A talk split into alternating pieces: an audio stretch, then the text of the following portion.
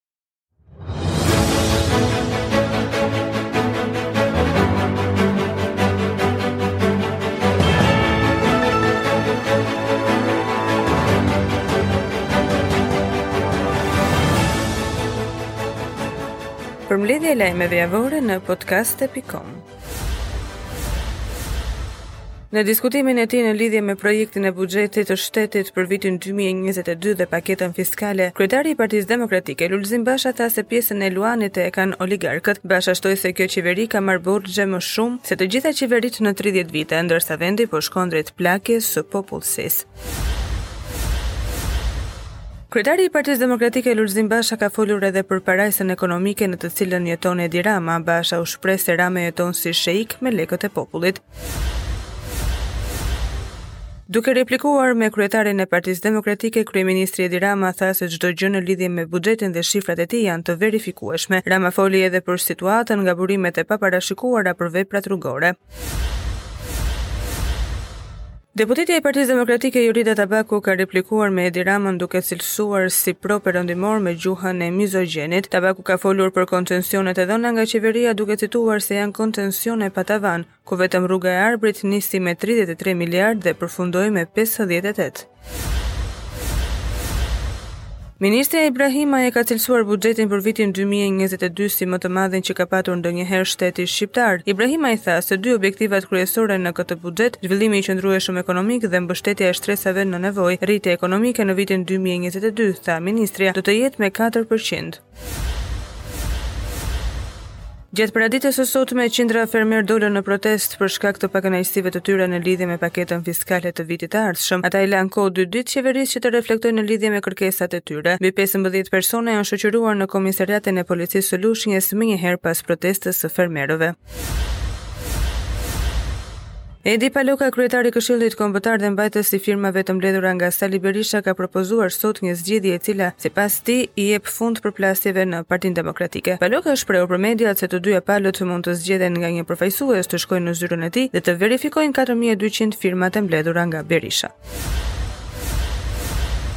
Prokuroria Speciale SPAK ka nisur verifikimin e pasurive të biznesmenit Rezart Taçi në Shqipëri. Ky i fundit është shpallur në kërkim ndërkombëtar pasi akuzohet se është i përfshirë në një skemë të madhe të pastrimit të parave bashkë me shtetas italianë dhe një zviceran.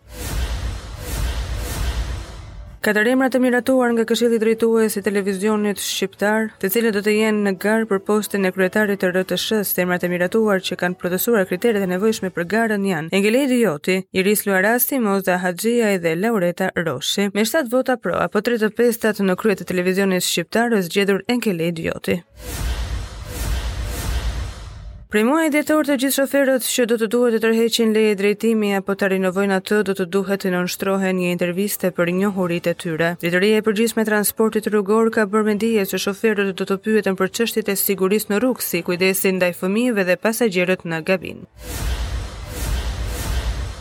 Një 32 vjeçar i shpallur në kërkim për kultivim droge është arrestuar nga policia në Shkodër. Gjykata i ka dhënë këtij shtetasi të identifikuar me inicialet LN masën e sigurisë arrest me burg. Kryeministri Edi Rama përmes një postimi në rrjetet sociale ka dhënë një lajm të mirë ku ka bërë me dije se seriali i famshëm holandez Kush është i infiltruari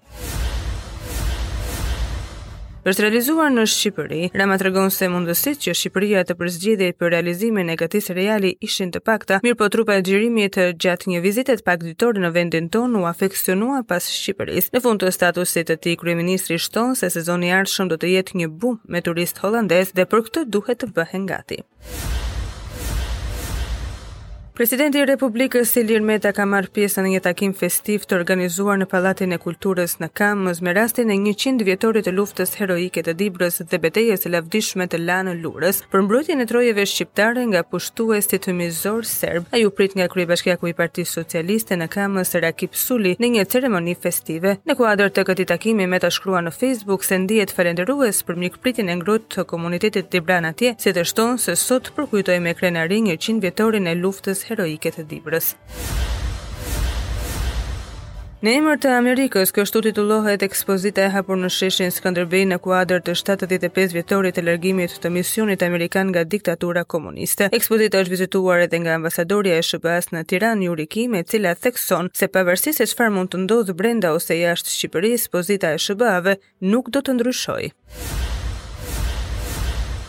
Kryetari i Partisë Demokratike Lulzim Basha pak pas miratimit të propozimit të tij nga kryesia për mbajtjen e Kuvendit më 18 dhjetor, deklaroi prerë se nuk do të lejojë askënd që të mbajë peng Partinë Demokratike. Ish-kryeministri Sali Berisha nuk është tërhequr nga vendimi i tij duke konfirmuar se Kuvendi Kombëtar i Partisë Demokratike do të mbahet më 11 dhjetor. Teksa e nisi fjalën e tij me akuza drejtuar Edi Ramës, Berisha tha se Basha është marrë peng nga kryeministri Rama.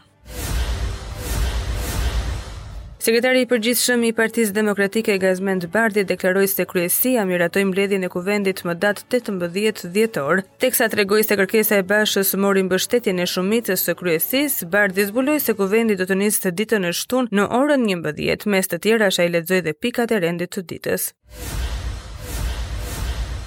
Kryetari i Këshillit Kombëtar të Partisë Demokratike, Edi Paloka në një dalje për mediat nga selia blu tha se vendosja nga ana e Bashës dhe miratimi nga kryesia e shpalljes së një tjetër kuvendi më datë 18 dhjetor do të jetë anti-miting.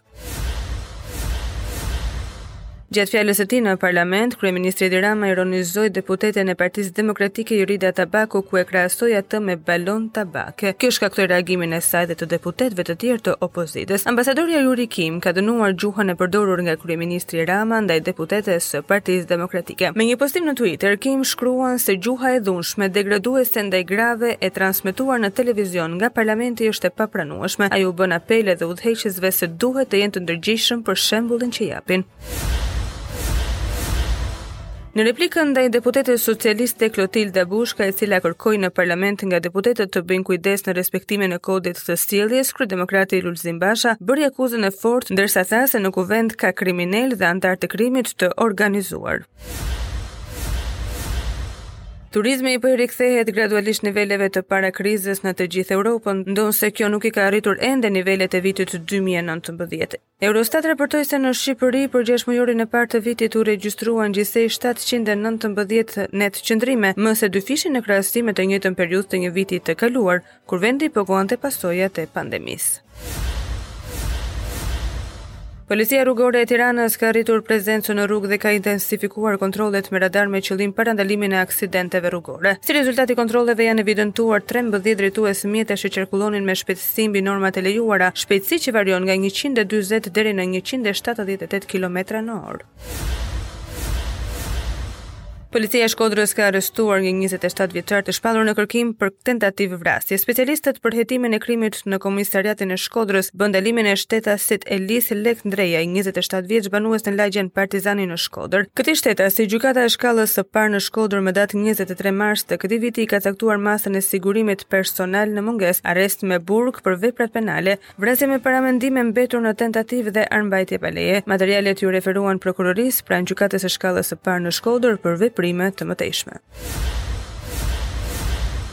Në fshatin Greçalli të Fierit, mes dhimbjes dhe lotëve vogëlushi Mateo Vasiu është përcjellë për në banesën e fundit. Arkivoli me trupin e 8 vjeçarit ka dalë për herë të fundit nga banesa në orën 11. 8 vjeçarit iu mor jeta në mënyrë makabre nga fqinji i tij 38 vjeçari Klodian Çalamani. Cila është historia e zhdukjes së fëmijës 8 vjeçar i cili u gjet më pas i vdekur dhe i mbuluar në baltë? Policia ushtroi kontroll në banesën e Klodian Çalamanit, 38 vjeç dhe pas kontrollit bëri të mundur gjetjen e trupit të fëmijës së dyshuar të humbur. Trupi i pajetë i fëmijës u gjet rreth orës 18:30 në mbrëmjen e 16 nëntorit. Klodian Çalamani ka goditur me kazmë në kokë vogëlushin Mateo Vasiu dhe më pas e ka groposur në oborrin e shtëpisë së tij. Kështu thotë policia e Fierit në deklaratën zyrtare për versionin përfundimtar të kësaj ngjarje kriminale. Shtetasi Klodian Çalamani dyshohet se ka goditur me sende të forta në kokë fëmijën e mitur dhe më pas e ka groposur atë në oborrin e banesës së tij.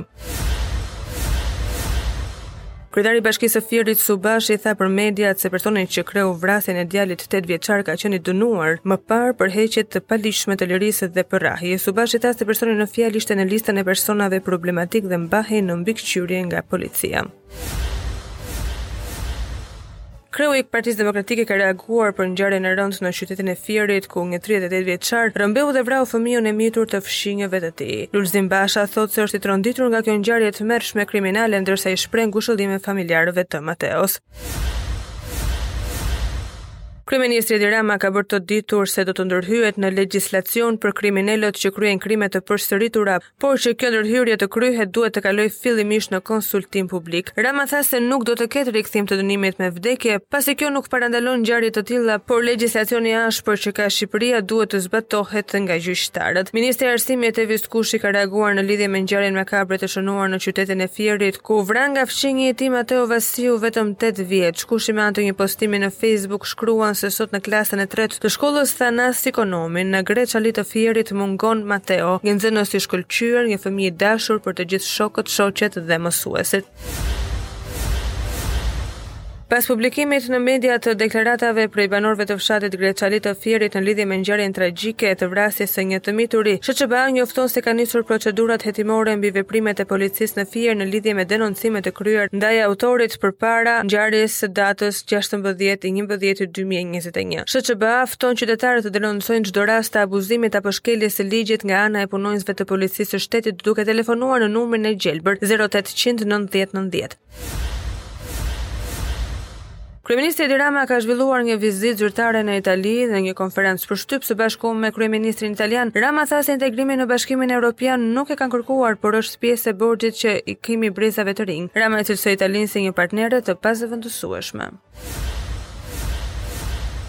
Në Ditën Ndërkombëtare të Fëmijëve Presidenti i Republikës Ilir Meta i ka bërë thirrje të gjithë aktorëve institucionalë ligjorë të garantojnë të drejtën e jetës dhe të çdo fëmije shqiptar. Presidenti Meta inkurajon Kuvendin e Republikës së Shqipërisë dhe çdo deputet për miratimin e nismave të duhura në veçanti për mbrojtjen dhe parandalimin e abuzimeve dhe krimeve ndaj fëmijëve.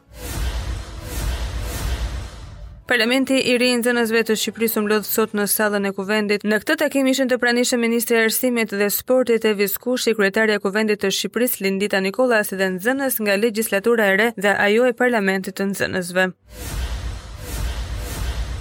Në lidhje me rritjen e numrit të azilantëve shqiptarë në Bashkimin Evropian, kryetari i Partisë Demokratike Lulzim Basha ka thënë se fundi i kësaj katastrofe kombëtare kërkon një përballje frontale me korrupsionin. Vetingu në politikë thyen bashkëpunimin politikë, krim, oligarki. Kryetari i Partisë Demokratike Lulzim Basha ka pritur në një takim ministrin për Europën dhe çështjet ndërkombëtare të Austrisë. Anëtarësimi i Shqipërisë në Bashkimin Evropian mbetet një prioritet absolut i Partisë Demokratike. Zgjedhjet e lira në luftën kundër krimit të organizuar dhe korrupsionit, ka thënë Basha në këtë takim. Kryeministri Edi Rama tha se do të ndërtohet një shkollë profesionale për peshkimin. Ne duhet të ndërtojmë një shkollë profesionale për peshkimin në shërbim të industrisë dhe që të jetë e lidhur drejtpërdrejt me praktikën. Këtu është ideale për 2 ditë anije, 3 ditë në klasë për të krijuar gjeneratën e re të kapitenëve dhe teknikëve shqiptarë. Në lidhje me situatën kriminale në vend, deputeti i Partisë Demokratike Ervin Salianji